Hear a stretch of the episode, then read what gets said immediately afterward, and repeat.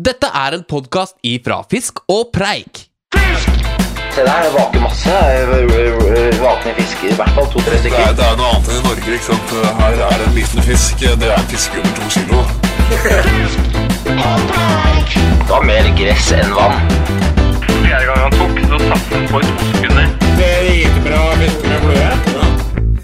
Ja, nok en gang velkommen til eh, Fisk og preik. Eh, Kanskje verdens, i hvert fall Norges, eller Oslos, i hvert fall Vallefares, smaleste podkast om fisking. Det tror jeg du har rett i, Lasse. Det er, eh, vi er små, men vi vokser. Vokser stadig. Åtte lyttere, sa vi sist gang. Nå Nå- nærmer vi oss kanskje 200. Nå, det er, skal vi gå ned og sjekke? Eh, Det er eh, i hvert fall 200 siden jeg sjekka siden sist, og det var i går. Daglig refresher. Ja, det kommer én og én lytter på eh, per minutt. ja, du følger med? Ja da, absolutt. Nå er vi oppe i Skal vi se 277 lytt på Kai sin podkast sin sist. Kai, Kai dro opp tallene? Ja, han, eh, han vet Vi må ha litt eh, kjendiser med. Det er egentlig det som, eh, som gjelder. Ja, og vi har, eh, har gjest i dag òg. Er kanskje ikke en kjendis. Litt kjendis. Eh, Inni miljøet er det kjendis. ja, vi- kommer tilbake til det. Vi kan jo spørre han om det etterpå. Om han er en kjendis. I så fall så burde vi jo være litt starstruck, tror jeg. Men uh, det kommer vi tilbake til. Du, Tobias. eh, det har vært 10-11 dager siden forrige gang vi la ut en podkast. Har det vært noe fisking på deg, eller? Ja, jeg gikk jo da i torskefella på nytt. Samme, samme turen. På Snarøya, eller? På Snarøya. Ja. Eh, Jeg dro ned der. Denne gangen var det ja, blikkstille, men det var sånn skikkelig tåkete og ganske, ganske sånn mystisk stemning. ja. Så noe vak, faktisk, men jeg, jeg fiska jo ikke etter sjøørret. Men tåke er ikke, den, er ikke det dårligste fiskeværet du kan ha? Jeg, er jeg blir ikke klok på det, hva, hva som er bra vær og ikke. Nei. Men eh, jeg endte med én torsk, faktisk. Kom Mm. sigende langs land. Og så var det bare å slippe flua rett ned foran trynet på den. Og den, den visste med en gang at den flua der Jeg bevegde den så sakte at den der, den kommer jeg til å klare å spise. Jeg er sikker på hva den tenkte. Kom den sakte svømmende mot flua. Åpna kjeften, den svære torskekjeften, og så ble flua bare sugd inn som i dragsuget. Og jeg setter, til, jeg setter tilslaget. Og jeg forventet at den skulle rase ned på dypet, men det Jeg gjorde ikke, jeg var ikke så sterk. var bare rett i hoven. Ja, jeg var nesten rett i hoven. Ja. Men um, Nei, jeg var litt eh, Jeg vet ikke, to kilo kanskje. Litt, en litt sånn sliten, gammelt individ. ja fikk du puls, eller?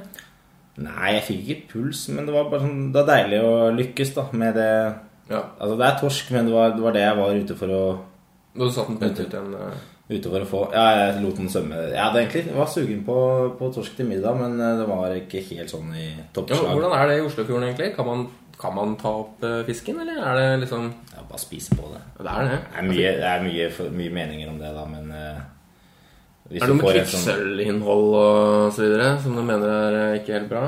Ja, men Jeg vet ikke fader. Det er sikkert bare å spise. Burde ikke spise for mye av det. bare spis masse. det er Du får jo ikke så mye fisk. Det er De gjorde det før i tida. Spiste jo masse ja, det går bra med de. Ja, ja. Nei, jeg vet ikke helt, men eh, en og annen fisk fra Indre sjøfugl tror jeg ikke skal være noe problem. Så var jeg også en tur ned på Jeløya for å fiske sjøørret med et par eh, andre kompiser. Og det var dårlig. ja. Du sendte melding og spurte om jeg skulle være med. Du lova vaking og god stemning. Lova vaking. God stemning var det, vaking var det ikke. Nei, ja, for det var jo spådd eh, vindstille og sol. Ja, men det var litt Det var sånn nordadrag, men det var, hadde vært fire minus natta før, og gra, temperaturen hadde sunket, eh, droppa to-tre grader, og det var ikke helt uh, ideelt. Så det ble en kort, uh, kort visitt på Jeløya. Det var eh, Fridtjof, han fikk én sjørett på rundt eh, halvmeteren. Det er ganske Ja. bra, men den var ganske slank, så den var eh, Ja, det var Fridtjof som fikk den, ja. Ja. Ja, okay. Han ble bare døpt sjøkongen etter den, etter den turen. Nei, så det er ikke så mye mer å rapportere om.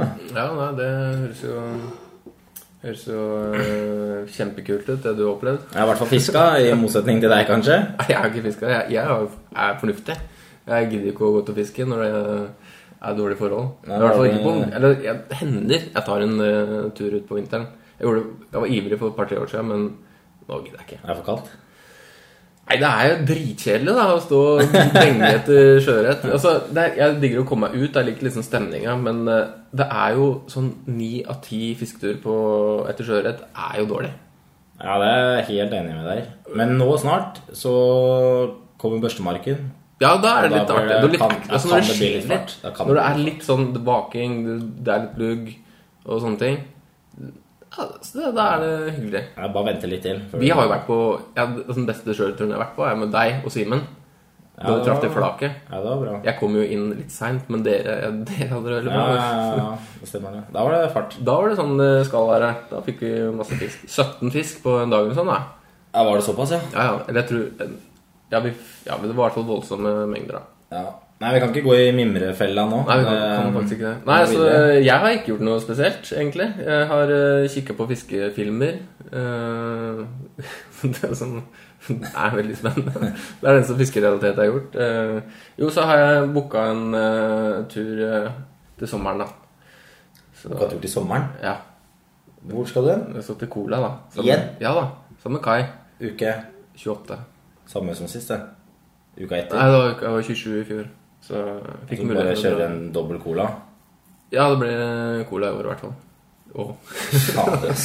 Så Jeg er ikke det, misunnelig. Jeg er ikke misunnelig. Ehm, da har vi vel egentlig dekt, eh, dekt oss to. Det, er ikke, noe- men det, det skjer ikke så mye spennende i vårt liv, tydeligvis. Nei, det går treigt. Ja, Det går sakte. På tide å introdusere eh, episodens gjest, kanskje? Ja, Vi kjører uh, vignett, eller? Kjør vignett.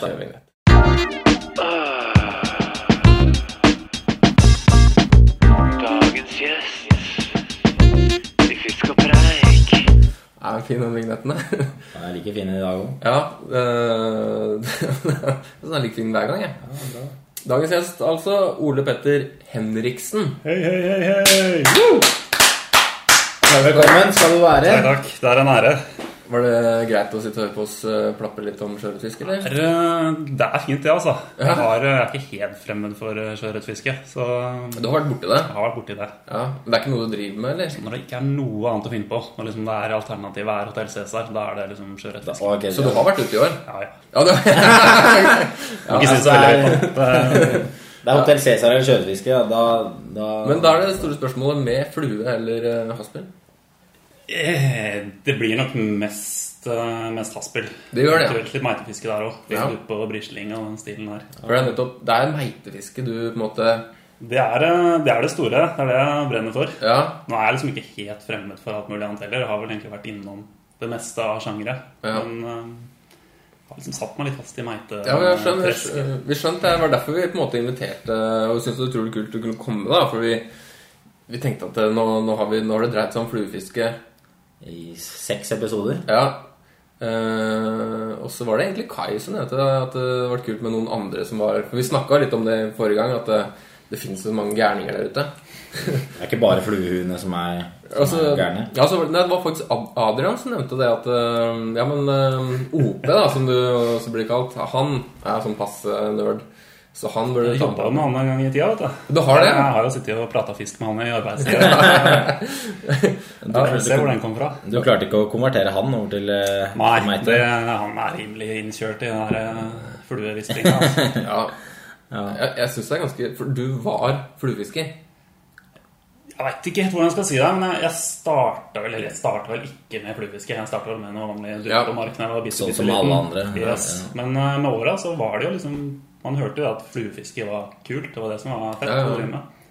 Så man begynte jo mer og mer med det. Det var tørrfluefiske i elv, stille vann, uh, denging av sjøørret i Oslofjorden med svære, stygge streamere. Mm. Men så ble det liksom mer og mer enn at pokker, jeg vil jo ha svær fisk, da. Jeg vil jo ikke Ja. Vil jeg ha en stor ørret, så vil ikke jeg fiske med tørt. Nei, det, det, jeg gjorde jo ikke det. det. Eh, Så står man da mer og mer inn i fange størst mulig eksemplar av arten Ja, istedenfor uh, Og da- på finest mulig måte. Og da var det alle arter som var interessante. Da var det plutselig alle arter. Det var litt det å liksom utnytte det man hadde i nærmiljøet. Mm. Har jeg karus, suter og gjedde i nærmiljøet, så fisker jeg jo heller det enn å kjøre ti mil hver eneste gang jeg skal fiske. Men uh, først og fremst uh, ferskvann, da. Eh, Først og fremst ferskvann. Eh, Det er noen sporadiske turer selv eh, ennå ute i fjorden, men det er først og fremst ferskvann. Ja, for jeg tenker du eh, Du Du kunne jo satsa på Håskjæring oppe i Trondheimsfjorden og nærma deg tonnet. Det er, uh, Men det, det er, det er litt- det blir noe annet, kanskje. Kanskje de mest innlandsmeite gutta har vel alltid sagt at fersk, nei, saltvannsfisk de er, eh, de er dumme og lukter vondt. Det er liksom Ja. Det er sånn jevnt over så er det ganske greie å ha med å gjøre, da. Ja, så er det Man må jo reise litt for å fange disse største òg. Ja. Eller havfiskene. Man kan ikke bare dra til Oslofjorden og ja, bli, altså bli sel, da. Det er jo ikke en fisk. Men vi har jo noe, vi har noen kveiteturer blant annet hvert år, som er liksom fast Ja, det har Uh, tradisjon. Eh, og det er jo kjempekult. Det er jo 50 meter hissig utras uh, Ja. og stas, men det er den derre gutteturvibben, ikke, Ja. ikke blodig seriøst. Altså, men men eh, når, når du fant ut det her, så fiska du med flue på de andre artene, da? Eller var det, gikk det over bare Det med en gikk gang? mer over til å liksom Jøss, hvordan får jeg en suter? Ok, da er det ikke flue som gjelder. Ja, hvordan får man en suter? Da er det gjerne Ja, si det. Du kan jo gjøre mye rart. Men eh, dupp med mais, eksempel. Ja. Ting, basic ting som det. Det er kjempenaturlig. Hva, hva er det en suter? Det er det nivået her. Hjelpes. Ja, det, er, er det en karpefisk, eller? Det er en karpefisk. En uh, grønn karpefisk. Ja. Ja, de, er ganske, de ser egentlig ganske kule ut. Det er, eh, jeg husker eh, Det var en sak for litt Eller ja, Det er noen år siden nå, men det var det Jeg lurer på om det var OFA jeg, som dro opp et garn fra Bogstadvannet som noen østeuropeere hadde satt ut ulovlig. Mm. Og der var det, det var fullt av suter. Og det, inntil det så tror jeg ikke de var klar over at det fantes suter engang i, i Bogstadvannet. Nei. Men den eh, Så er du kan fiske, Der kan du fiske.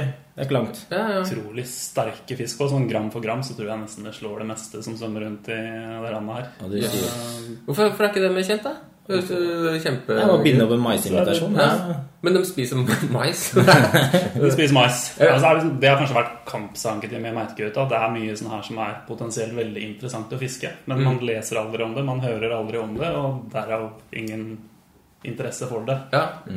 Så veldig mange her sitter jo med liksom eventyrlige fiskemuligheter rett utenfor stuedøra, men de drar eh, langt opp i Renelva hver gang de skal på fisketur. ja, Det sånn- jeg kjenner meg For For ikke å snakke om når du skal med unga ut på tur og liksom skape litt fiskeglede. Så liksom ikke dra langt inn i Nordmarka og stresse en hel dag for å kanskje få 21 cm sjøørret. Liksom. Snakk til Glomma, fisk vedderbuk og få 30 kilos fisk på en dag. Det er Ja, jo det, er det- sånn du får folk til å begynne å fiske. Ikke Ja. drep dem med en gang. Det høres jo ut som en kjempeplan, spør du meg, da. Men hvorfor har ikke vi hørt om uh, det her Det høres ut som en helt annen verden. ja, Altså, har- Altså bare Nei, du skjønner det, gutta. Det er en dam Jeg kødder ikke.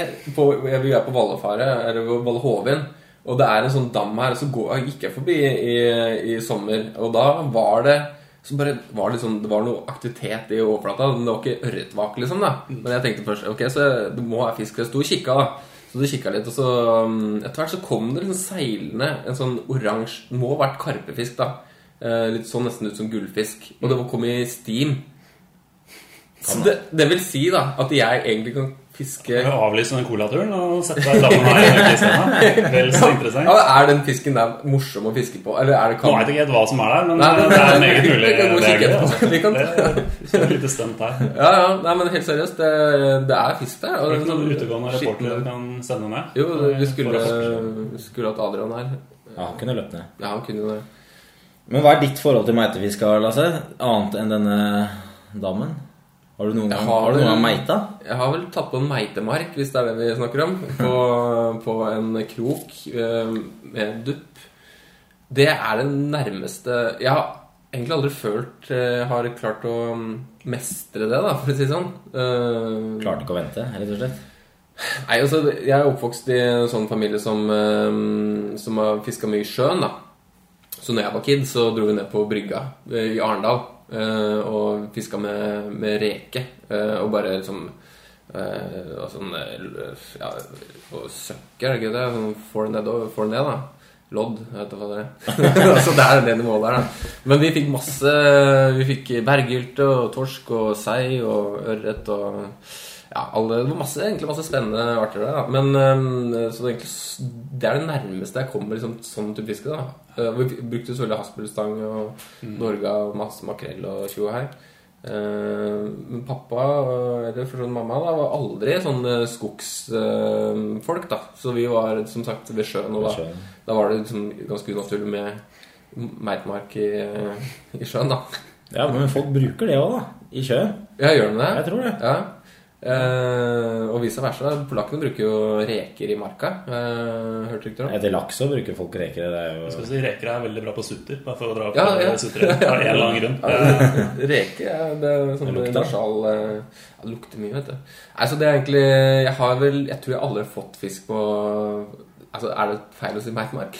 Eller sier man som meite? Er det det man liksom sier? Nei, det er ikke det. Jeg har Litt mer av metoden, ikke Agne agnet. ja, okay, ja, ok, så eh, Men jeg, har jeg har inntrykk av at kanskje det, mark og dupp da, det er kanskje den letteste og mest kjente formen for meitefiske. ja, det folk blir introdusert til, Ja. først og fremst. Det er liksom det som står i alle, alle historier og alt mulig. Det er liksom mark og dupp og sitte og Hvis du ser på tegnefilm, så er det ingen som sitter og båndmeiter med er det Da du ser jo duppen. Ja, ja. Liksom sammenligning med Det er som å si at karpefiske ved dupp og meitemark blir som at karpefiske er det samme som ørret og kasteduppfiske. Ja, det, å, det ble veldig vanskelig. Jeg det. skjønte ingenting. Nei, det var på nytt. Jeg... Jesus, det er veldig komplisert. Eh, kastedupp og flue. Ja, Ja, Det er som å si at det er fluefiske. Ja. Eh, Ja, sånn- Samme som meiter. Ja, for det er en paraplybetegnelse for ja. Det Ja, er veldig mye som ikke egentlig ja, skjønner. Greia. Ja, jeg har i hvert fall skjønt, da, og det har ligget sånn og murra i bakhjulet, og litt irriterende, at eh, jeg kommer aldri til å få så stor fisk som de gutta som eh, driver med meitefiske i marka. Eh, I marka, da, med flue. Altså, samme om det er ja, kanskje nymfestreamer, men i hvert fall ikke på tørrflue. Altså, det er så sykt liten sannsynlighet da, for at jeg klarer å komme på det nivået. Det var det det kanskje startet med. Man ville ha større ørret. Og så tenkte man fankeren stor ørret spiser fisk, liksom. Da må vi bruke fisk som agn. Det er sluttveien. da er det meitefiske. Det var ikke at det på dødelig skulle være meitefiske, men det var det som var metoden som var ja riktig. best for å fange den store ørreten. Så har det eskalert til andre arter og andre Men Og du, eh, teknikker. Tobias? Nei, ja, jeg, har, jeg har ikke meita mye, men det starta noe Jeg har drevet litt med sånn derre flytebrød det, det er jo nesten tørr, Det er jo tørr, tørt haspelfiske, da. Ja. Sørv på flytebrød på bokstavene. Det var ganske, ganske kult, det, da. Og så har jeg fiska litt brassme i Buruvann med sånn glidende. Med sånn, glid- varm sommerdag og sitte i lyngen med, med sånn glidende bunnmeite. Nei, Nå begynner vi å snakke fancy, avanserte Ja, metoder. men, Så, ja, ja, men og eh, bjelle, bjelle, bjelle på stanga, så kan du bare legge deg og lukke øya, ikke sant. Og så, Og så ringer det, og da er liksom skjer. så ringer det, og da, da, må du ikke, da skal du bare sveive inn. Ja. Så det var eh, Nei, jeg vet ikke hvorfor. eh, Jeg jeg har vært liksom tatt kanskje et, et lite steg inn i meiteverden. Men eh, Du er potensielt meitefisker, jeg, pot ja, kunne blitt fort blitt det, tror jeg. Ja. Men uh, så kom den uh, Fikk jeg den fluestanga litt før uh, Før jeg fikk noe videre meiteutstyr. Men jeg har meita litt sånn gjedde på isen og, og sånne ting også. Ja, ja for du kan holde på med det her året rundt. Basically. Ja, eh, mye av skal si, karpefiskearten er jo relativt slakke når isen legger seg. Det er har fortsatt mort og den slags. Men Ja, abbor, gjedde, gjørs, råfisken er jo Jeg leste det at det, at det som vanlig karpe Altså Når man sier bare karpe, så er det én type art man tenker på. Ja. Eh, den legger seg nedi gjørma eller halvåret? Det er nok litt myte. De, Ja, okay. de spiser, men hele Alt går mye saktere. Metabolismen stopper opp. Han Ja. spiser veldig veldig mye mindre enn Ja. ellers. Og det er vanskelig nok i 20 graders eh, vanntemperatur. Ja. det er bortimot umulig på vinteren. Ja. Det, det er jo samme med ørreten at eh, de metabolistiske prosessene de går mye saktere, og den, den tar til seg veldig lite næring, ikke sant? for den trenger ikke så mye, og så koster det mye å finne det.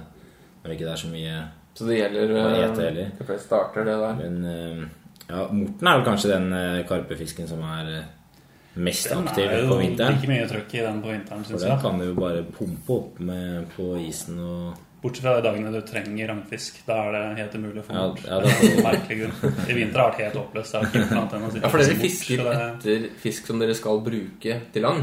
Ja. Det er, Det er også ganske unikt, da. Sånn i forhold til. Altså, er det, liksom- det er litt sånn dobbeltmoral her. Jeg tar meg i det. For vi har jo liksom selvfølgelig avkrokningsmatter og legger de store gjeddene på, behandler de pent, setter de ut igjen, og så tar du opp en ny mort og setter en treblekrok i ryggen på den, liksom. Altså, Da er den selvfølgelig død. Det er jo Ja, ikke lov å bruke levende her. Men, eh, Har du gjort det? nei, aldri. aldri.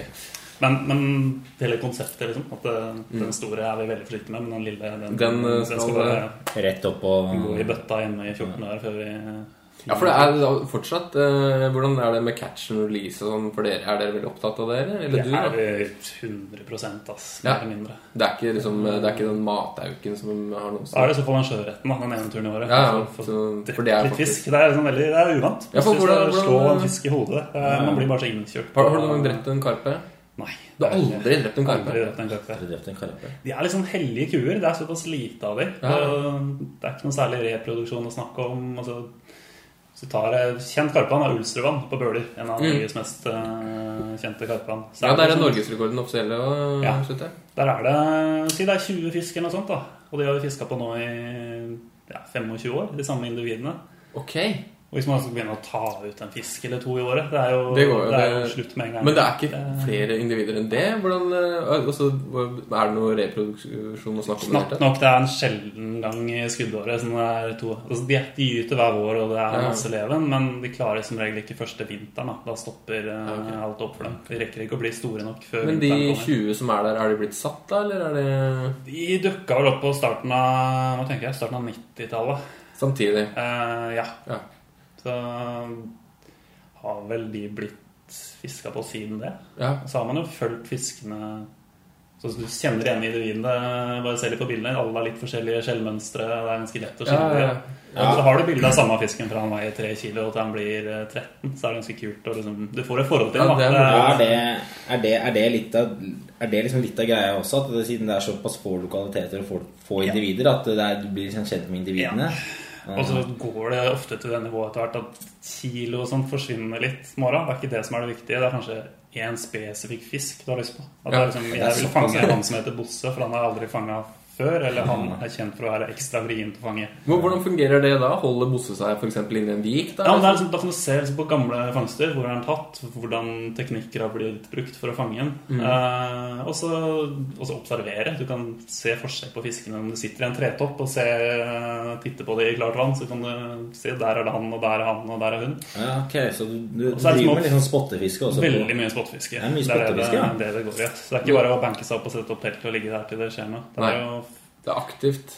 Altså det er på mye Mye er veldig passivt. Man ligger der og sover og fisker på natta. Mm. Eh, Det er fordi man er nattaktive.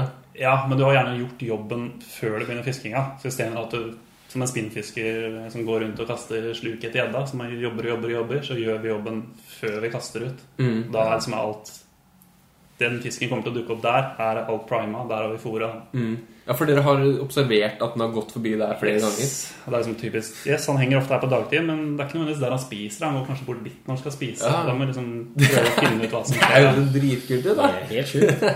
Men Nei, det, jeg ser liksom, jeg prater om det, i hvert fall med si, folk som ikke driver med hvor sjukt det egentlig er. Man tar jo Ja, det er- tar seg i det, men det er liksom en sånn sinnssyk besettelse da, for å liksom klare lure spesifikke individer. Ja, for apropos øh, besettelse, for jeg har skjønt at øhm, Altså, du er over gjennomsnittet opptatt av det her. Ja, det vil jeg vel kanskje si. I hvert fall her i landet så er det langt over gjennomsnittet. Ja, i hvert fall jeg skal referere da til en øh, Den har du jo garantert lest sjøl. fra en VG-sak. Jeg tror fra tatt fra VG. Men det, her høres det jo klin gæren ut. øh, Ja, det- På en fin, på en bra måte, da. Man Så- lærte litt når man fikk liksom ymse eh, sånne kanaler på telefonen. For da hva man skal si og ikke skal si. Hvordan ting blir gjengitt i media. Jeg fikk litt ansikt på ting. Ja. Men ok, vi kan lese litt av den, for jeg synes den var så morsom. Fikk, og så står det her på overskriften, fikk monsternapp i eh, hemmelig vann. Så står det da Ole Petter Henriksen, selverklært gal sportsfisker, fanget gigantfisk i hemmelig østlandsvann. I tre år har han prøvd å lokke sværingen på kroken. så, og det, det er sant du brukte? Ja, det var eh, det, skal, det som ikke kom fram, var at jeg fikk den fisken en gang tidligere. Ok. Eh, Så det var egentlig tre år fra jeg fikk den til jeg fikk den neste gang. Så det var ikke helt ja, okay. Men jeg hadde som mål å få den jeg skulle ha den, den hadde gått opp veldig vekt. Den så veldig mye større ut enn all annen fisk i vannet. Så jeg brukte jo da ja, tre år. Så det ble liksom en obsession å få den eh, fisken. da Så, og så Vi må lese litt mer her, for det er mye bra her.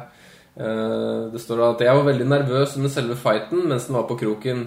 Jeg tenkte at faller den av nå, kan det være tre år til neste gang den biter. altså, ja, det er fortsatt innpå den der, da. Eh, Da jeg fikk den opp, var jeg i ekstase, eh, og det var jubelbrøl. Omsider kunne jeg sprette champagnen som jeg hadde drasset med meg alle disse årene. Det var ikke noe høydere. Det var en gammel, billig, billig champagne som hadde Men den var med i sekken. eh, Den var med, vet du. Ja. Da er det ikke sånne avstander som på vidda, liksom. Du skal ut med fluestanga. Ja, Det, ja. er, det er mulig å seg en champagne. Det, Men, eh, det går jo an, da. Men altså, hva var Var det Altså, du hadde bestemt deg for å ta den fisken men var det all annen type fiske var utelukka? Var det kun det som var eh, det var mer eller mindre det. Altså Jeg drev med andre ting vinterstid og sånt når det ikke var sesong. Ja. Men fra vår til høst så var det allerede tid. Mer så når våren kom, så var det bare var det kribla i magen for å få øye på den. Og... Altså, Men det går liksom et sånt punkt at det, man vil kanskje ikke dra på fisketur. Men man vet man kommer til å angre hvis man ikke gjør det. Så man drar ut i regn og elendighet bare fordi man føler man må. Da. Det er en sånn sjukelig besettelse. Ja, det der det, det er noe av det mest ekstreme jeg har hørt om. sånn, det, det, Nå er det ikke alltid sånn, da, men det, er sånn, det var et sånn kroneksempel det på en fisk som man, eh, den her skal man ha. da, ja, ja. det er jo utrolig kult at du fikk den. da altså, Men har du vært og fiska på den i ettertid? Jeg ga det litt pause, det vannet. Eh, Men så er det et par andre individer her som også har begynt å skyte litt fart. Man, altså, det er 10-12 forskjellige fisk i det vannet. Ja. Eh, Og så har jeg vel ni av dem. Altså det, mangler liksom to. Eh, Så begynte jeg i fjor for å Nei, to år siden. Skulle jeg prøve å få de to siste. da Det var et sånt prosjekt. Liksom, kanskje ikke all in, men jeg skal prøve litt, se om det er mulig å få de. Men så vil man jo ikke ha gjenfangster og gjenfangster og gjenfangster av de samme andre individene heller. Så da første passet, etter at jeg hadde fått den, så fikk jeg den, da. Liksom, En gang til? Yes. Jeg to år pause, dro tilbake igjen etter å ha vært der i tre, Tre år uten å fått den. Det er helt Første kvelden, pang. Var, var den like stor, eller? Ja, den gått opp, da, så har den jo 15 pluss 15,5 muligens. Og det, det, er en, eh, og det, det er jo eh, over offisiell norgesrekord. Ja, Det er langt over. Langt over. Så egentlig du som har norgesrekorden uoffisielt. Den har blitt tatt en gang til etter det. Ok. Så, men Ja, du var den første som tok den. eh, Men det er, det er den samme fisken da, som er Det er Norges største karpe, antageligvis. Ja, og den har blitt Den og et par til som er større enn norgesrekorden litt her og der, som blir tatt støtt og stadig. Ja, men inni miljøet deres så det, det, er ikke noe, det er ikke noen mål å få det på, på Nei, egentlig ikke. For da står det i villmarkslivet, og det er ikke noe man nødvendigvis higer enormt etter. da Nei, for da er det fort eh, 30, Altså, du må ut med, 30 mann du må ut med vannet, gjerne. Og det er liksom det er helt totalt uaktuelt eh, å blåse alt av fiskevann. Hvordan hadde du reagert hvis noen andre i meitemiljøet hadde fått denne fisken da, og var så sugne på, på å få offisiell norgesrekord og gått ut med navn Helt- på vann og oh, ja, sånn, ja. Eh, ja. det- Det er jo det man helst ikke gjør, da. Det har vært nok av konflikter og drama i Det kjenner sikkert dere til i ymse miljøer òg. Ja, det, det Det, det er forskjellige personligheter, det er forskjellige folk. Folk tenker annerledes om det her. Men, Mm. men det går jo er man liksom Det handler om ikke tråkke alle mulige andre folk på tæra hele tida. Da. Det er Ja. liksom, selvfølgelig, Man kan jo melde den fisken, det er ikke noe ulovligheter med det. Men Det blir det er litt stemning. derfor også kanskje hemmelighetskremmeri er som det er. da For da slipper man den Men hvor mange.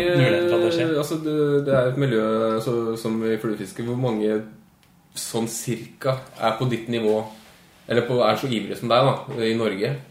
På Ja, karpefiske. Er det sånn du kjenner alle, liksom? Eller? Ja, jeg kjenner alle. Altså, Ja. Det er kanskje litt mindre enn fluemiljøet, kanskje? Eller flu, da, Det er, det, er ganske, kanskje- sånn, det er en ganske stor sånn hangaround-gjeng. Eller Ja. sånn som er interessert i det her og har lest masse og sett masse filmer om det og har en tur eller to i året. Eh, men de som liksom virkelig brenner for det, som bruker all ledig tid på det, så tror jeg ikke det er mer enn 10-15 pers. Nei. Så det er, liksom, det er rimelig snevert. Men si 100 karpefiskere i Norge. Da tror jeg ikke man eh, 100, Ja, det er, ikke, ja, det er ganske, ganske Nå snakker vi liksom ikke meitefisker, generelt, nei, men bare ene Ja, rett på karpa. ja. Men eh, ja, det er jo ganske, ganske interessant, da. At det er, er, det er ikke flere, nei. Men, men, eh, men, men ok. Uh, vi må fly litt videre, bare sånn at vi ikke henger oss opp. eh, Vi, har skjønt at du er rimelig opptatt av det her. Ved et sånt spørsmål som er, er jo litt relevant, da, som vi snakka om, og som, du har lyst til å stille deg, da. Eh, som f.eks. meg, da, eller eh, andre eh, som har lyst til å begynne å fiske karpe. da. Hvordan starter man? Ja, eller bare med Ikke nødvendigvis med karpe, men hvis du skal begynne med meitefiske. Er det meitefiske, da? Hva, hva ville du gjort for å få Hva er det letteste å komme i gang med, da? Ja, det er et godt spørsmål. Jeg tror ikke ikke begynn å google det og gjør sånn som du ser på tusenvis av filmer og artikler overalt. Det er veldig, veldig utstyrsstyrt. Det er enorm industri, særlig karpefiskegreiene. Det er liksom Hvis du skal begynne med karpefiske spesifikt, da, så tar du opp en bok, så virker det som du trenger utstyr for 300 000 for helt å teste på det. liksom. Ja, det er- det er såpass, ja. vilt, da. Men liksom bare hold ting enkelt. Ha en Veldig avhengig av hva art du skal fiske, men ha en fin stang 10-12 fot, en dupp, eh, mais, krok. Mm. Helt basic.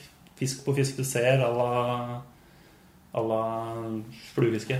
Ja, ja. Med spottfiske. Gå rundt. Tar en tur rundt et karpevann, titter med polabrillene, liksom, så ser du 10 kilos fisk som cruiser rundt. og så- Typisk karpevann som er liksom kjent for alle. I nærheten av Oslo, f.eks. Ja, det var det, da. Eh, ja, Ulsrudvann er vel Ulsrudvann, Det er ja. norgeshistorien. Ja, ja. Vanskelig, ja. Kjempevanskelig. Mm. Uh, men bare det å ha fisk på ja, 10 kilo pluss, som driver og svømmer rundt maisen din eller brødbiten eller hva du nå velger å fiske med, liksom. det er, du må ikke ha så gjerne stæsj for å få til det. Nei. Ja, for man går an å starte litt Jeg tenker sånn hvis du er eh, Hvis du skal starte litt lettere, da så Det må jo være lettere å starte f.eks. med noe sånn typ Mort, for den saks skyld. Vedderbruk, ja. Bare for å uh, få litt sånn feelingen på det, kanskje. Det er Ja. gå all in på karpe som art med en gang. Nei, det Kanskje er ganske eh, brutalt. Det er kanskje brutalt. Men, men uh, Altså, mais har vi pratet om før her. Det går igjen. Det er jo noe mye karpefisk liker å spise. Mm. Duppfiske med mais. Et- Og det er én maiskorn. eller? Det er et maiskorn eller to. Ja. Vanlig boks med mais fra Så er det liksom. derfor det lukter så mye for fisken? Hvilke, hvilke mais Vi Oi, nei, det, ma- lærde, de lærde strides. Det er mye å velge. det Du får jo kjøpt smaksatt mais og alt. Så det er, det er helt sinnssykt. Men er det det som er hovedagnet? Eller sånn, for det, som jeg har forstått det, så eh, er det vanlig å fòre opp plasser for å tiltrekke seg fisken til et lite område. Men er det fòre opp med mais, da? Eller er det, for jeg har sett noen sånne der videoer av folk som har båter med sånne fòringsballer og full pakke. Har du en sånn båt, Ole Petter? Jeg har det, men jeg bruker den ikke. har vært borti det, ja. Radiostyrt? Det blir litt for takk i lengden. Ja, det Det det. er, eh, det er praktisk, eh, men Hva er det litt ta tar bort litt av, litt av greia. Altså. Ja, Er det, er det litt sånne ja, Kall det etiske retningslinjer? At det er sånn Det gjør man ikke, selv om det er kjempeeffektivt. Og for sånn, Man slenger ikke ut et kamera liksom, for å observere under vann. Gjør man f.eks. det? Eller er det sånn Skyr man, er det en del midler man skyr? da? Ja, men det er også derfor miljøet er veldig sånn splitta. Kanskje ikke den bitte lille tipersoners miljø her, men i, I i, i Europasammenheng da, så er det veldig delt. Du har gjengen som liksom her skal det brukes speedbåt, her skal agnet kjøres ut med båt, og vi skal bruke alle mulige hjelpemidler. Men så er det den andre gjengen som er litt mer sånn smyge rundt, uh, gjøre det ekte, kaste Ja, for det er en litt sånn kred-måte å gjøre det på. Det er jo det det går på der. Ja, ja. Det, det er jo mer effektivt ofte å kjøre ut. Kjører du agnet ut under en busk på motsatt bredd, liksom, så er jo det mye enklere enn å kaste den dit. Ja, ja. Det blir litt det samme som, eh, som å kaste, fiske med striner versus tørrflue, da. Som er litt sånn battle i fluefiskemiljøet, som jeg for så vidt syns er ganske teit. Men det, begynte med at man syntes det var kult bare med tørrfluefiske, men eh, så går man over til midler som på en Og så kommer man også dit etter hvert man, man orker ikke å liksom engasjere seg i alle de debattene heller. Nei, så er det noen som gjør det, så får de gjøre det. Og hvis eh, noen andre gjør noe annet, så får de gjøre det. Det er liksom Ja. mer for egen del. Prøve ikke irritere seg på alt mulig heller. Det er nok å bli irritert på i fiskeverden. Ja, det er eh, ja, Man kan ikke begynne på internett og debattere. Det, det ender aldri godt. Men jeg har et spørsmål her også, for jeg har forstått det sånn at eh, du har da arten som heter karpe, og så har du den oppdrettsvarianten som er koi. Koi-karpe. Ja, det er for så vidt eh, samme ulla, hele samme greia. Men, Det er bare avla, avla videre på. Ja, men er, det, er det koi der i Norge, eller er det karpe, eller begge deler? Det er begge deler. Eh, Koi er det egentlig veldig mange steder. Men det er sånn ymse eh, akvariefisk og hagedameiere som har uh, dumpa rundt i hui og hast. Ja, for de kan ofte bli ganske sånn kule, altså fargerike, hvite-oransje Ja. typ. Jeg syns det også er litt sånn eh, Det er litt for eh, kunstig. Det blir litt sånn Hagedam-vibb over det. Ja. ja. det er kult når du får den første oransje, skrikete eh, greia, men det Nei. De har altså litt, litt lavere status i Karpe-miljøet. Ja, I Kina så har jeg forstått at der er det høy status med koi. Det symboliserer lykke, og folk har tattiser og fullskjør. Ja. Men Det eh, er kanskje det at de syns så godt da, når de driver Ja, det det og løper kanskje. ut og spotter. Så er det liksom ja, Der kommer den dumme oransje greia igjen, liksom. kanskje Det er ikke så kjente... vanskelig å spotte heller. Ser ut som det er en fisk med refleksvest. Men jeg skal i Sånn, hvert fall gå ut uh, med fluestanga og Få mais. trua på den dammen her nå, altså. Ja, jeg skal seriøst få opp en sånn der oransje Kanskje du skal gjøre det etterpå? Ja, ja, men det er, de er ikke her nå. Da er Jo, det jo. is, da. Ja, det er is der, ja. Det er. Men vi tar det til våren. Men eh, det er bare å binde opp noen maisimitasjoner, det, så blir det Det det Livebate funker, det tror jeg. Okay. jeg vet ikke. Du kan bare, kan du bare ta sånn New Zealand Strike Indicator som dupp, og så henge med Henge med mais under. ja, konge, da. Ja, kjempeplan. Uh, det må vi prøve. Nei, ok. Uh, vi må nesten fly litt videre. Um, jeg tror eh, vi um, har uh, Vi har en eh, Skal vi kalle det en utegående reporter, eller? Ja, han er med i dag òg. Han maser jo så innmari. Han skal jo være med hver eneste gang ute på denne podkasten. PR-kåt jævel, ass. Han er rett og slett det. Um, Adrian Gamman, som har vært med de fleste episodene. Han har eh, Denne gangen så har han eh, måtte tatt litt tak i et tema. Um, som eh, vi, vi, vi må nesten ringe han, eh, og så skal han forklare litt. Jeg tror vi tar eh, og kjører i gang eh, bare en eh, jingle, jeg, skal vi ikke det? Jo. Kjør en jingle, og da ringer vi han imens. Ja, så ringer vi han imens. Adrian Gamman. Det er masse mild, vet du. Det er olja, vet du. Jeg ringer fra Kristiansand. Kebaben i Sandnes etter en dag i olja. Adrian Gammans telefonspalte. Skal vi se Da ringer vi til Adrian, da. Hallo, ja. Hallo, Adrian. Hallo, Adrian. Hallais, gutter. Nå er du direkte inne på Fisk og preik igjen. Nei, det er så koselig. Ja, øh, og vi har øh, Ope med oss her. Hei! Nei, Dere kjenner hverandre litt, dere, gjør dere ikke det? Har vært full med han Ja, eh, der. Ja. ja, vi har jobba sammen ja, hvor da? I et selskap som eh, heter Kongsberg Oil and Gas Technologies. I olja, ja. Olja, ja. Ja, ja, ja. Connecting people. Uh, ja, men vi skjønte, Adrian, du har jo um, Du har jo vært eh, utegående reporter for oss de siste dagene. ja, stemmer det. Og gravd litt i et tema. Kan ikke du kjapt fortelle hva du har drevet med? Jeg har gjort litt sånn gravende journalistikk eh, innenfor et, eh, en sak som eh, kom opp i 2015. Okay. Da var det en, eh, en person som eh, gjemte en, eller festa en mobiltelefon under bilen til en annen person for å finne det hemmelige fiskevannet hans. Og det ble en stor sak da med VG og Aftenbladet og Altaposten og hele bakken. Men har du fått tak i han personen? Jeg har ikke fått tak i en person. Jeg gjorde en grundig research, men jeg har fått tak på en annen person i det samme miljøet Hvordan- som var villig til å fortelle litt. Hvordan har du fått tak i en sånn person? Nei, jeg har, jeg har søkt Jeg, brukt, jeg har brukt mye tid på det. Jeg har søkt på the dark side of the internet og eh, ja, altså lagt ut eh, annonser på forskjellige forum og tatt utallige telefoner. Men så fikk jeg tak i en kar da som, eh, som eh, lovte han skulle, eller sa han skulle møte meg. Ja. Ok. Uh... Så vi, ja, så jeg, jeg møtte en person, da, la oss kalle han Pål, da. Paul? Som et eh, Ja, Pål. Eh, så jeg møtte han på en kafé. Ok.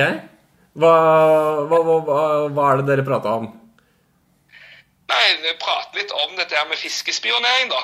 Eh, altså Det er jo tydeligvis et eh, Det er jo tydeligvis noen folk som holder på med dette her. Så Ja, det er- ja, det er en liten- Det er en liten fiskespioneringsklikk der ute. Ja, det er det. Det er jo ganske skremmende, da. Det er litt skremmende å tenke på det. Så for dere som hører på denne podkasten, sjekk godt under bilen. Ja, det skal vi gjøre. Skal vi eh, skal, det, Så det er ditt bidrag til denne episoden, eh, rett og slett? Det er mitt bidrag, så bare kjør, kjør snutt. Ja, hei, hei, ja. Ja, halloen, ja. ja. Takk for at du ville komme. Så Grunnen til at vi møtes i dag, er jo for at jeg har lyst til å se litt nærmere på denne fiskespionersaken som var i media i 2015. Hvor en person festa en mobil under bilen til en Å, fisker. herregud, den jævla løken der, altså. Ah, så du sier du tar avstand fra denne type aktiviteter? Nei, altså, avstand. Jeg tar avstand fra amatørmessige løker som blir tatt. De sitter hos andre i et jævlig dårlig lys. Oss andre? Ja, det er mange som driver med dette. Det er ikke bare her i Rogaland, men i hele Norge. Og er veldig opptatt av å ikke bli tatt. Ja vel, men hva går egentlig fiskespionering ut på? Nei, altså, Fiskespionering går ut på å bruke en rekke virkemidler for verktøy for å finne de eh, folk sine hemmelige valg. Ok. Men hvorfor og hvordan starta du eh, med dette her? Jeg har holdt på med dette her siden jeg var rundt 20 år. Det er vel åtte år siden. da. Så jeg hadde fiska med flue siden jeg var 16, og hadde aldri fått fisk over ett kilo. Jeg hadde jo så lyst, sykt lyst på, fisk, på stor fisk. Jeg så at folk la ut bilder på stor fisk på internett, og disse bildene kunne man ofte se vannene i bakgrunnen. Så jeg startet med at jeg søkte på forskjellige karttjenester for å se om jeg kunne finne ut hvor vannet var. Etter mange timer med arbeid kunne jeg gjerne finne noen av fiskevannet. Og det var jo kjekt, det, men det var jo ikke særlig effektivt. Ikke særlig effektivt, sier du. Nei, jeg brukte jo utrolig lang tid på dette. Pluss at eh, det var jo ikke alltid jeg fant alle vannet. Men med dagens teknologi kan jeg benytte meg av mye mer effektive metoder. Ok, ja, men hva slags metoder, da? Nei, Alt fra droner til hacking og selvfølgelig sporing via mobiltelefon.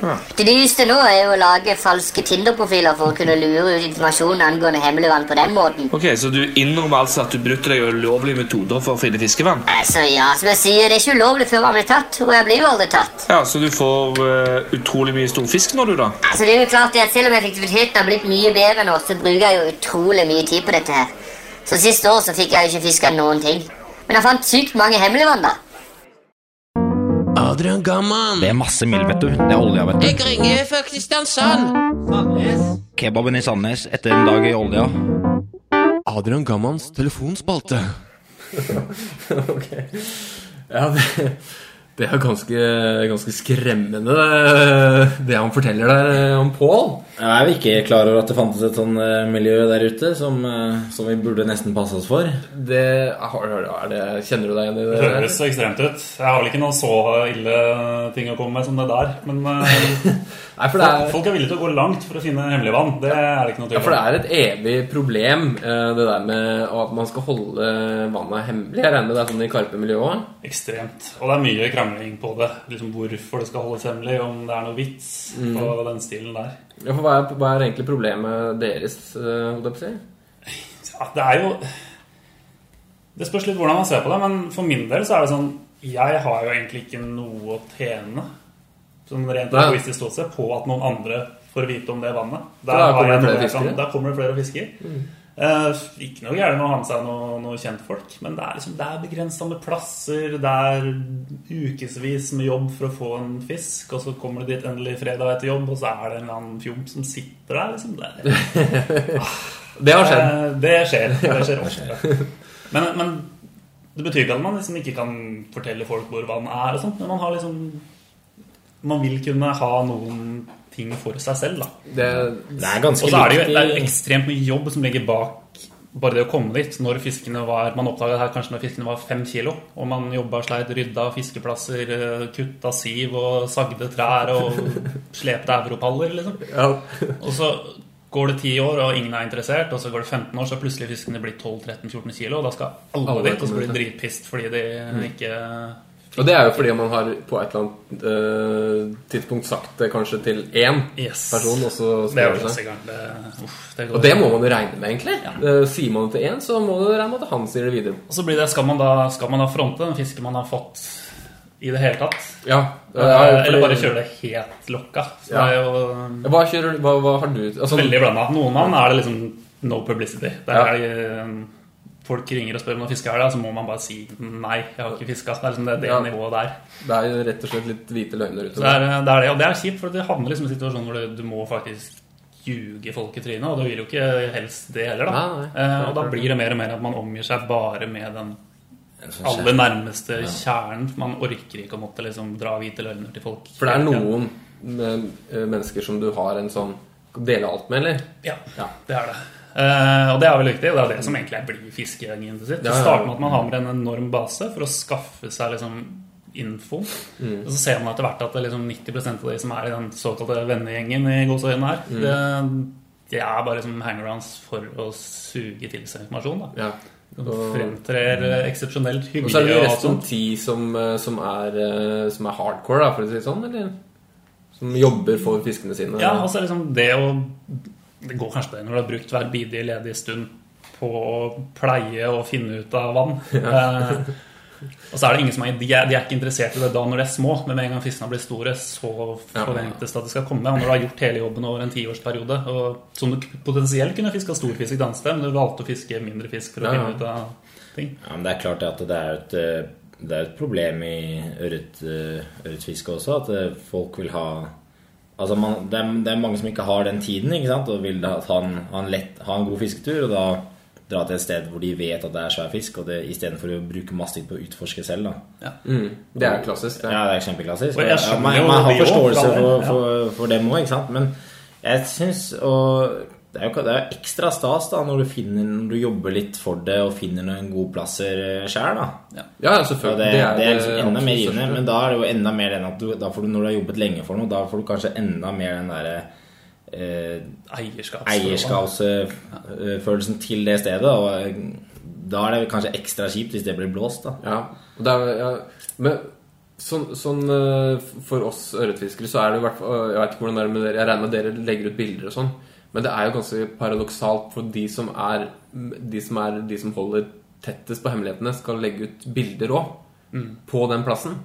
Eh, For det er jo det, det, det, Man snakker jo på en måte med to forskjellige munner. da. En er jeg skal aldri prate om det vannet, men jeg vil vise fram at det får fisk der. Det blir jo bare enda mer at folk har lyst til å finne ut av det vannet. da. Så er det jo det man ser nå i karpfiskmiljøet, er at det, liksom, det har blitt et miljø i miljøet med folk som ikke legger ut bildene i det hele tatt. Ja. Man har innsett at jøss, det er faktisk jæv- Man trodde man liksom hadde full oversikt hva alle drev med til enhver tid, og så viser det seg at det er et miljø til liksom enda et layer lenger inn, da, Mm. Ja, men- som, som egentlig har enda mer uh, formening Men det er jo egentlig de som er de smarteste, som ikke legger ut noen ting. Nemlig. For det er ingen som Nemlig. spør dem noen gang. Dem, dem, sitter, dem har jo sikkert helt krem, dem, for det er ingen som spør dem om noen Og så var det Man startet med man skulle fronte karpfisk. Man skulle få alle til å begynne med det her. Etter hvert så blir det sånn «Ah, Det er noe å tjene på at alle skal begynne der. det går ikke meg om det blir færre i det- ser fra et helt eget egoistisk ståsted. Ja, liksom, og da kan du like gjerne bare holde helt kjeft. Og det passer jo egentlig veldig godt til karpfiske òg, siden de er så få fisk, og, og i hvert fall de største individene. Men i ørretfiske så er det jo egentlig voldsomme muligheter i Norge.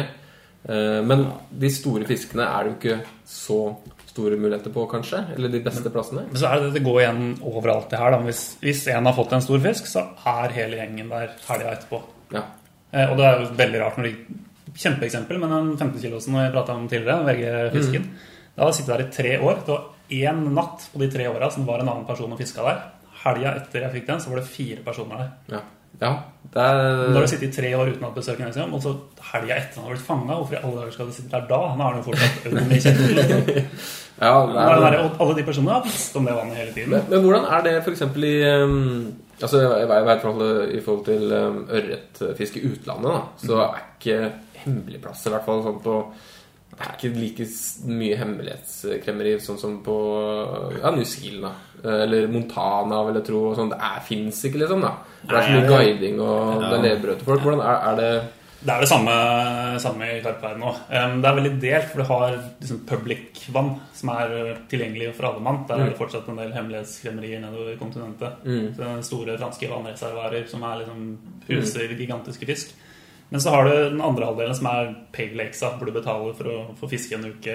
Mm, eksklusivt. eksklusivt fiske. Eh, Og der er det jo selvfølgelig ikke noe ikke hemmelighold. Der blir alt fronta maks for Mm. å få nye Det er ganske dyrt òg, da, kanskje? Det koster skjorta, da, men det er jo Ja, det er big, big, big business. Ja. Eh, Det er, det er litt sånn som Island, på en måte. Alle vet at det er stor fisk der, og vet som regel hvor de store er. Og... Og alle, alle tingene er liksom Jeg sier jo public-fiske. Da er liksom det Det veier litt tyngre. Det er litt mer uh, kred. Ja. Det er liksom alle, det skal, du skal ikke liksom sitte og disse ved betale-varianten heller her. Det Nei. er, eh, begge deler er kult, men på to forskjellige måter, da. Mm. Har du opplevd noe lignende, Tobias? Noen mobiltelefoner under Nei, ikke mobiltelefoner. Um, Nei, jeg har ikke opplevd noe sånn ekstremt eh, ek, ekstreme sånn, Ikke noe sånn spionasje og sånn, men det er klart eh, du får et spørsmål om hvor du har vært, og, og folk vil eh, Ja, spør hvor du har vært og, og sånne ting, men um, Nei Du får som regel ikke noe svar hvis du spør i hvert fall en person du ikke kjenner. Nei, du får sånn søkt, svar, om. Altså, hvis du spør også, så Du kan ikke forvente å få noe, kanskje noe, noe svar, og det er, eh, det er litt Jeg vet ikke om man det er, kan ikke bli sur heller, for ikke hvis du spør om, om noe. Ja, det, det er vel heller Det er nesten litt flaut å spørre noen du ikke kjenner, i hvert fall. Da. Ja, det er, synes det er, det er et vanskelig tema, men eh, vi har jo lagt inn, Vi har lagt ut bilder, vi òg, av, av fine ørreter og ikke vil fortelle hvor det er. Mm. Og det og folk, Jeg skjønner jo at folk eh, er sugne på å vite hvor det er, men spesielt hvis man ikke har noen sånne gode plasser selv. da Ja, det, Men sånn som på New Zealand, for eksempel, det er det som er så annerledes der, at det er bra overalt. Mm. Du kan dra midt i, midt i byen og få rekord eh, og få dritsvære fisk. det gjorde du jo faktisk. Ja, ja, det er eh, det er det som er det, Så der nede så er det liksom en annen hold- mentalitet, da. Mm. Det er ikke, der er liksom ikke det hemmeligholdet så, så Men tror du ikke stort. det er andre områder da i elva eller på New Zealand generelt som det er enda større fisk? Det vi ser på som dritsvære fisk i byen, er kanskje ikke for de lokale det feteste? Ja, det er, jo, er ja det, er, det, er, det er nok litt sånn at det, når vi kommer ned der, så er nesten all fisk der nede er svær, svær å regne. da Får nesten ikke ørret under en kilo. ikke sant? Men så er det jo de lokale har sine gode steder hvor det bare er fisk over 3,5. ikke sant? Så, Mm. Men Rett og slett snittet er høyere. Ja. Det er klart de blir holdt litt mer skjult, men jeg tror ikke det er på samme nivå som Nei, er du ser jo eh, bilder av alle guider og alt mulig som fronter svære fisk. Og det er ikke, så hvis du bare kjenner litt i områdene, så er det ganske lett å finne ut sånn, cirka hvor de er. da Men jeg, jeg har et konkret eksempel her som jeg kom på helt plutselig. Det var uh, i 2012 eller noe sånt, så var jeg i, eh, i Padilanta. Det gikk over, eh, over store sjøfall over Padilanta og inn i Rago i Norge. da Sånn lang tur, da. Og da fiska vi røye. Og så får jeg et spørsmål et år etterpå, sånn, og så står det bare 'Hei sann, Asse'. Den, og det er på Facebook, da. Det er en annen som sendte melding, uh, som jeg ikke var venn med. Den røya i starten av del to av videoen eh, fra Sarek Padilanta, Ragoturen, tør jeg spørre hvor dere tok den? Og han henviser til kart og flere forslag på vann. og, sånn. og han har tydeligvis gjort research, da. Og virkelig gått inn for det. Jeg svarte aldri på den, for den så jeg to år seinere. For det var sånn Måtte godta den eh. Ja, men eh, det er jo litt Altså Det er jo litt frekt, på en måte. Så er det den derre når du har skjønt hvordan du skal få tak i informasjon, da har du på en måte skjønt det. Eh, altså, å spørre sånn er ikke måten Nei. å gjøre det på. da. Nei, Jeg skal, jeg skal Eh, innrømme at jeg har spurt folk selv som jeg ikke kjenner så godt. Sånn, men, men da har det vært mer sånn eh, Du, jeg skal dit. Hvilket område bør jeg sikte meg inn på? på en måte da Istedenfor hvilket vann. Hvor, hvilken plass. Altså, Man må jo finne ut litt sjøl, mener jeg. Så um, Ja. Det er litt sånn vanskelig tema, det der. Og jeg har inntrykk av at det kanskje er Det er jo ørret overalt, men på karpefiske så er det kanskje enda mer sånn der eh, Enda mer spesifikt og sånn lukket, kanskje. og Enda mer hemmelighold. Siden det er litt sånn få, få individer og store individer og Mm. Du vil ikke at alle skal dra og fiske på bossa, liksom. Hvis du har planlagt å ta an til våren, så er jeg ke- keen på at han skal få slappe av litt selv først. Men så er det fortsatt det, det er ikke noe Man setter jo heldigvis eh, pris på at andre bekjente får de fiskene du har på selv òg. Det blir Ja, ja. En sånn, ofte en sånn felles jakt Ja, på et eller annet. Eh, Du kan ikke liksom sitte og være bitter når kompisen får en fisk. Det blir for dumt, da. Nei, det Eh, sånn. Men da må man heller liksom bli den kompisen Ja. for å få tilgang. Ja. Eh, sier jeg ikke skal sitte og slikke masse ræv. Nei, men og, å den- man må ha en sånn liksom, er kjemi, altså. Generelt Er det en Er det en bra kompis, Ja, liksom, ja. så får du infoen. Det er klart. Det er klart. Det er, det er Så det er morsomt eh, tema, egentlig. For det er eh, i, i um, utenfor Når, man, når fiskere møtes utenfor eh, hva, Hvordan blir dette? Når fiskere møtes sånn som vi gjør nå, da. Det er superhyggelig, og man, det er kjempekult å møte andre fiskere ikke sant? til hverdags. da Mm. Og diskutere og snakke. Men når du først drar på tur, da vil du helst være aleine. Faktisk. Jeg tror vi avslutter eh, det temaet der. Ja. Vi kunne sitte og prate om det her i, i evigheten. Og eh, vi må jo egentlig begynne å tenke på å avslutte hele sulamitten. Ja, må runde av nå. Jeg hadde lyst til å spørre om en siste ting, da. For det karpfiske er Altså, det er jo snåle greier. Du kan ikke si noe annet. Men før du sier det, må jeg bare si det, er veldig viktig å holde på med her. Ja. At eh, det er jo egentlig, Hvis du ser liksom europasammenheng, så Mm. er det jo ørretfiske, fluefiske, som er det snådige, rare, merkelige greiene. Mm. Karpfiske er jo overlegen størst i Europa. Både ja. Både i omsetning, penger og i antall folk som driver med det her. Vi er snåle. Drar du, drar du på en Obs-butikk i i Frankrike, så selger de jo karpestyr på Obs. Ja, hun gjør det. Det er ikke fluestangen du finner der. Liksom. Ok, det er kanskje vi som er snåle, da. dere er det snåle her, da. Det er jeg som er normal. Der strides de uh, fiskene, for å si det sånn. Fortsett. men for oss så er du en, er, altså Jeg sier ikke at du er snål, men jeg sier at eh, fisket ditt er snålt fordi vi har ikke peiling på det. da det, Og det vil sikkert karpefiskere som aldri har hørt om eh, ørretfiske også, eller man si. Så det er greit, det, det er greit nok. Men eh, som sagt, her i Norge så er jo ikke så mange som veit om det. Du nevnte i stad at ja, det er jo så mye det, det kan jo fort skje mye rare historier, eller Har du én historie? Oi. Som du, hvis du skulle valgt én der du på en måte har blitt sett rart på, eller eh, Eh, Det er mange. Det er jo gjerne litt sånn eh, Hva tenker jeg? Det er mye som er ganske drøyt. Men eh, mye sånn urbane strøk, da, hvis du fisker og driver på denne måten her og overnatter natt etter natt eh, 100 meter fra nærmeste T-banestasjon, så er det jo nødt til å skje rare ting. Ja. Men uh, en av det mest absurde var vel kanskje Ulstervann på Bøler nok en gang. Uh, da var jeg ute og titta etter fiskene. Som man, uh, det høres jo sikkert galskap ut her òg, men jeg satt da i toppen av et tre i kamuflasjeklærne som man gjerne hadde seg, og polaroidbrillene. Og kikkert hadde jeg til og med. Ja, ja. Og prøvde å finne ut hvor da de ulike individene oppholdt seg i eh, vika. ja. Og mens jeg står der, så kom, er det jo sånn som banker i trestammen i treet jeg sitter i. Og der står det jo to politikonstabler og lurer på hva i helvete jeg driver med. 100 meter fra badeplassen i kammerklær. Og de var ute og titta i en eller annen kikker da, som hadde holdt på i det området. Så det er sånn der typisk greie som alltid skjer. eh, Eller ikke alltid, men ofte skjer. Så de mistenkte deg rett og slett for å stå og titte på på bade, badegjester? Jeg ser jo ettertid at de kanskje ikke var helt heldig når du står i toppen av 300 meter fra badeplassen. Trodde, trodde de på deg når du sa 'nei, du, jeg skal bare se etter karper'? Jeg spratt jo ned fra treet og prøvde liksom å forklare alt om karpefiske på en gang. Bare, det er stanga, det er stanga. Men jeg, jeg fremstår kanskje enda mer gal det. Men eh, lot meg gå, så ja fantastisk. Fin historie. Okay, Ellers har jeg hatt pornofilminnspilling. Ja, Ja, det. Gudene veit hvor mye nakne Hvor mye folk som har seg i skauen. Hvis, Ja, det ligger- hvis du ligger godt skjult i telt og fisker natt etter natt. Så det Det kommer det mye folk innom og gjør mye rart. Altså. Ja, så du har fått, du har fått det på, på, på nært hold? Ja, det er egentlig ganske fast prosedyre. Nei, ja, flere ganger hvert år. Som det er eh, alle kjønn. Ja, men det Karpfiske er kanskje noe Det er jo mer interessant enn det man skulle tro. Det Ja, er, det høres, høres det er sånn en, en bieffekt av å drive med karpfiske. Helt klart. Nei, men øh, jeg, har, jeg kjenner jeg har lyst til å prøve karpfiske. I hvert fall ute i dammen her. Kanskje vi skulle prøve en tur til våren? Ja. øh, Finne frem haspelutstyr og noe mais? ja. Det vi, eller ta med på fluestang. Er det, er det en mulighet for det? Det er, eh, det er helt eh, mulig, det. Altså, de spiser jo småkryp. Mm. Det er ikke bare vannliljer de går og tygger på. liksom. Det er jo fjærmygg og ymse småting. Så liten nymfe-twitch er bortover. Det leverer, det. Ja, men det, da, det må, vi må prøve det. Ja, vi- la oss prøve det. Ja. Skal vi konkludere med at uh, karpfiske er egentlig mye mer normalt enn det vi driver med? da? Ja. I hvert fall sånn på verdensbasis. Mm.